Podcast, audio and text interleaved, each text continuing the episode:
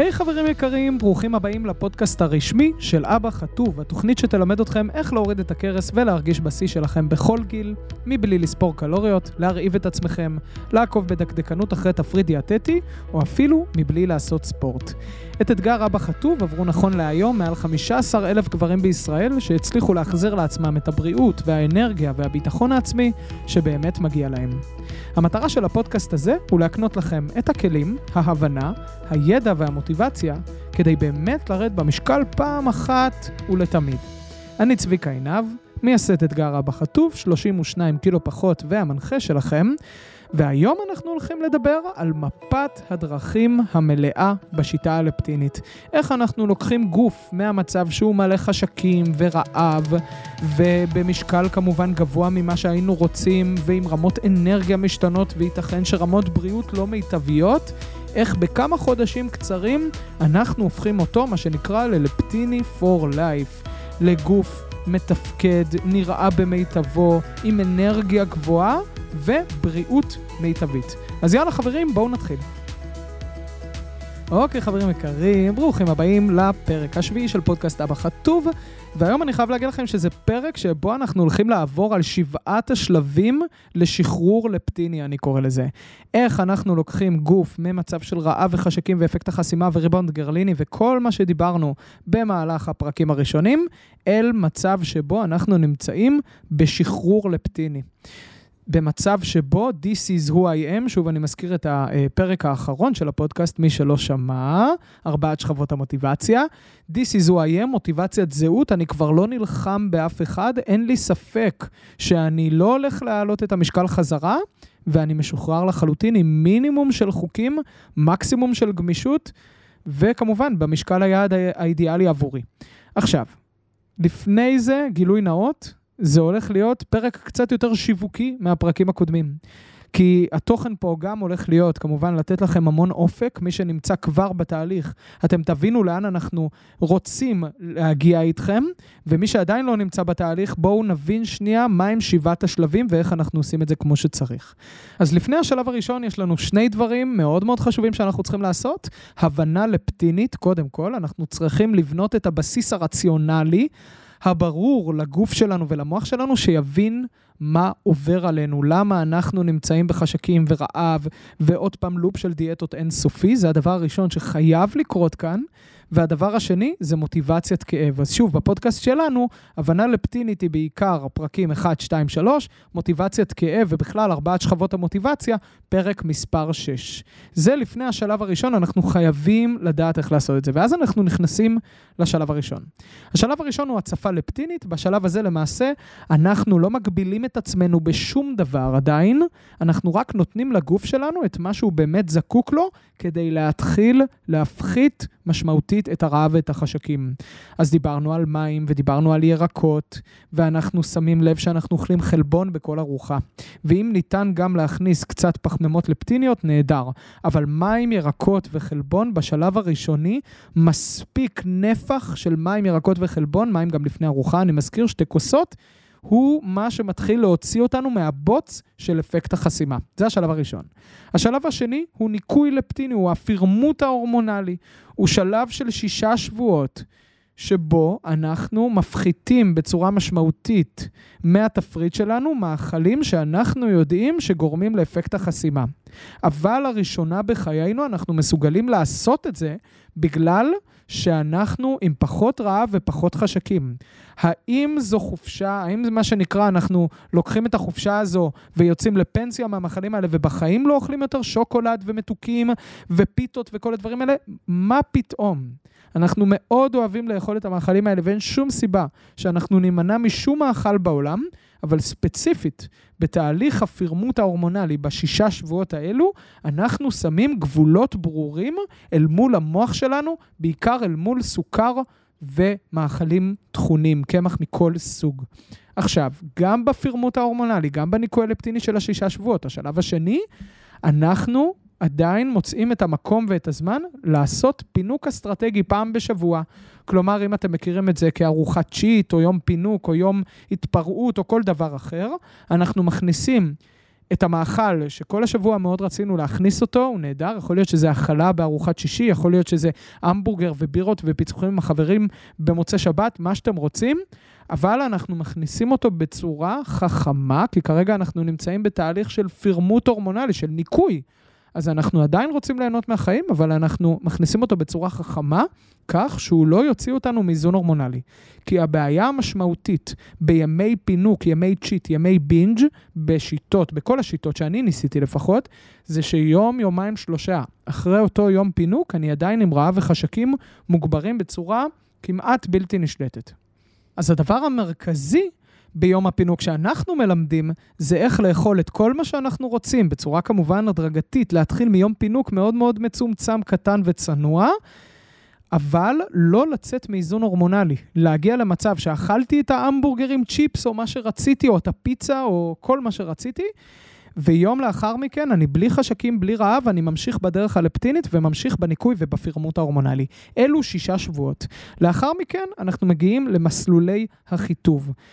רוב האנשים בשלב הזה כן רוצים להכניס לחם מדי פעם, אה, וקמח כמובן, וסוכר, ואין שום בעיה עם זה, אבל אנחנו צריכים לוודא שאנחנו לא יוצאים מאיזון הורמונלי, כי גם רוב האנשים עדיין לא הגיעו למשקל הגוף שלהם. אז כאן יש לנו שלושה מסלולים, מסלול מתון, קצת יותר מתירני, מסלול מהיר, קצת יותר עוצמתי, ומסלול הניקוי הלפטיני, שהוא בדיוק אותו מסלול שעברתם במהלך שישה שבועות לפני, בשלב השני. מסלולי החיטוב האלה הם הבסיס שלנו לטווח הארוך, הבסיס. שוב, עד שאנחנו מגיעים לשחרור לפטיני, תכף אנחנו גם נדבר עליו. אבל מסלולי החיטוב האלו הם הבסיס שלנו לטווח הארוך, ולכן מאוד מאוד חשוב שאנחנו נבחר את מסלול החיטוב המתאים עבורנו. לאחר מכן, אנחנו מוסיפים על מסלולי החיטוב האלו תוכניות איזון הורמונליות מתקדמות. אז אנחנו מתחילים עם איזון עמוק נוסף של לפטין וגרלין. אנחנו ממש מדברים על מאכלים ספציפיים שגורמים ללפטין אה, אה, להיראות על ידי המוח. אנחנו ממש מדברים על מאכלים ספציפיים שגורמים להורמון הגרלין טיפה לנוח, הורמון הרעב, טיפה לנוח אה, ולהיות מודחק עד כמה שניתן. ובנוסף לזה, אחרי זה אנחנו מדברים על שיפור השינה, כי אנחנו יודעים שיש קורולציה מוחלטת בין איכות השינה שלנו לבין משקל הגוף שלנו, רמות האנרגיה שלנו והיכולת שלנו להתמודד אל מול החשקים. לאחר מכן אנחנו עוברים גם על אינסולין, הורמון אינסולין, הורמון מאוד חשוב עבור הבריאות שלנו, ואנחנו צריכים לתקן שם כמה באגים שנוצרו עם השנים, ולכן אנחנו עושים איזון עמוק של הורמון האינסולין. לאחר מכן אנחנו מגיעים למערכות הדם על קלייני, מה שנקרא חומצי בסיסי. אה, מצב שבו אנחנו רוצים להגיע למצב שאני אוכל, לא אוכל חצי יום, ואני לא מרגיש צורך, ואני לא מרגיש רעב, והכל בסדר. האם זה אומר שאני אגביל את עצמי לארוחה או שתיים ביום? זה אתם תחליטו. אני לא יכול להחליט בשבילכם. אבל אני יכול להגיד לכם שאחרי, נגיד ספציפית, אה, תהליך האיזון ההורמונלי של מערכות הדם על קלייני, אני הגעתי למצב שהחשק שלי עבור מאכלים מתוקים באופן כללי ירד בצורה דרסטית, שאני בחיים שלי, גם כשהייתי בן שש, לא הכרתי כזה דבר. זה לא היה לעולם. אוקיי? כלומר, החשק בכללי למאכלים שהם יותר מתוקים ויותר שומניים ויותר פחמימתיים, יורד בצורה משמעותית אחרי הדבר הזה, והאנרגיה מרקיעה שחקים. אז זה השלב הרביעי. בשלב הזה, בדרך כלל, רוב האנשים מגיעים למשקל היעד. איזה כיף. אז בואו נגיע לשלב החמישי, שימור לפטיני. בשלב הזה, למעשה, אנחנו לוקחים את אותם מסלולי חיטוב, ואנחנו מוסיפים להם עוד קצת. אנחנו מוסיפים להם עוד יום פינוק אסטרטגי, או אנחנו מוסיפים להם עוד שליש צלחת, או עוד חצי צלחת של המאכלים שאנחנו מאוד אוהבים. כמובן שאנחנו יודעים שלא מוציאים אותנו מאיזון הורמונלי בצורה חדה מדי. אבל בשבועיים הראשונים, שלושה שבועות הראשונים של השימור הליפטיני, המטרה שלנו זה רק להגיע למה שנקרא מאזן קלורי ניטרלי, להפסיק את הירידה במשקל מבלי לצאת מאיזון הורמונלי. וחברים, זהו אתגר שאני יכול להגיד לכם שלצערי הרב, אני נפלתי בו המון פעמים בשיטות הקודמות שבהן ניסיתי לרדת במשקל. כי אני הגעתי למשקל היעד, ואז שחררתי, ואז שחררתי מעט, הרבה, יצאתי מאיזון הורמונלי, לא הבנתי מה קורה לי, ומכאן ריבאונד גרליני של כמה חודשים שהטיס אותי חזרה למשקל ההתחלה, ואפילו טיפה יותר, בגלל שיצאתי עוד יותר מאיזון הורמונלי, והעליתי את התרמוסטט הפנימי של הגוף, אותו משקל איזון שהגוף שלי חשב שהוא אמור להיות פה, אותה פקודה מוחית, שנגרמה בגלל חוסר איזון הורמונלי נוסף. אז השבועיים שלושה הראשונים לאחר משקל היעד, הם אולי השלב הכי קריטי בתהליך. כי בהם אנחנו יכולים לצאת בצורה משמעותית מאיזון הורמונלי. וכאן אנחנו מתחילים עם מסלולי חיטוב, פלוס עוד קצת, בדרך כלל זה יהיה יום פינוק נוסף. בשלב השישי אנחנו מה שנקרא מגיעים לשיחות השלום עם הדופמין. דופמין, הורמון התחושה הטובה, אותו הורמון שקיבל מאיתנו וואחד זבנג בתחילת התהליך, אה, והילפנו אותו באיזשהו אופן, אם נרצה לקרוא לזה ככה, אבל עכשיו אנחנו רוצים לפתוח איתו בשיחות שלום. הראינו לו שאנחנו עם ידינו על העליונה, עכשיו הגיע הזמן שגם ניתן לו את מה שהוא רוצה. ובשלב הזה אנחנו מתחילים ניסוי וטעייה עם כל מיני מאכלים. שהם כביכול גרלינים, הם מרעיבים בשפה שלנו. הם מאכלים שמוציאים אותנו מאיזון הורמונלי, ושם אנחנו מתחילים לראות אילו מאכלים אנחנו יותר יכולים לשחק איתם ופחות יכולים לשחק איתם. אני נכון, יכול...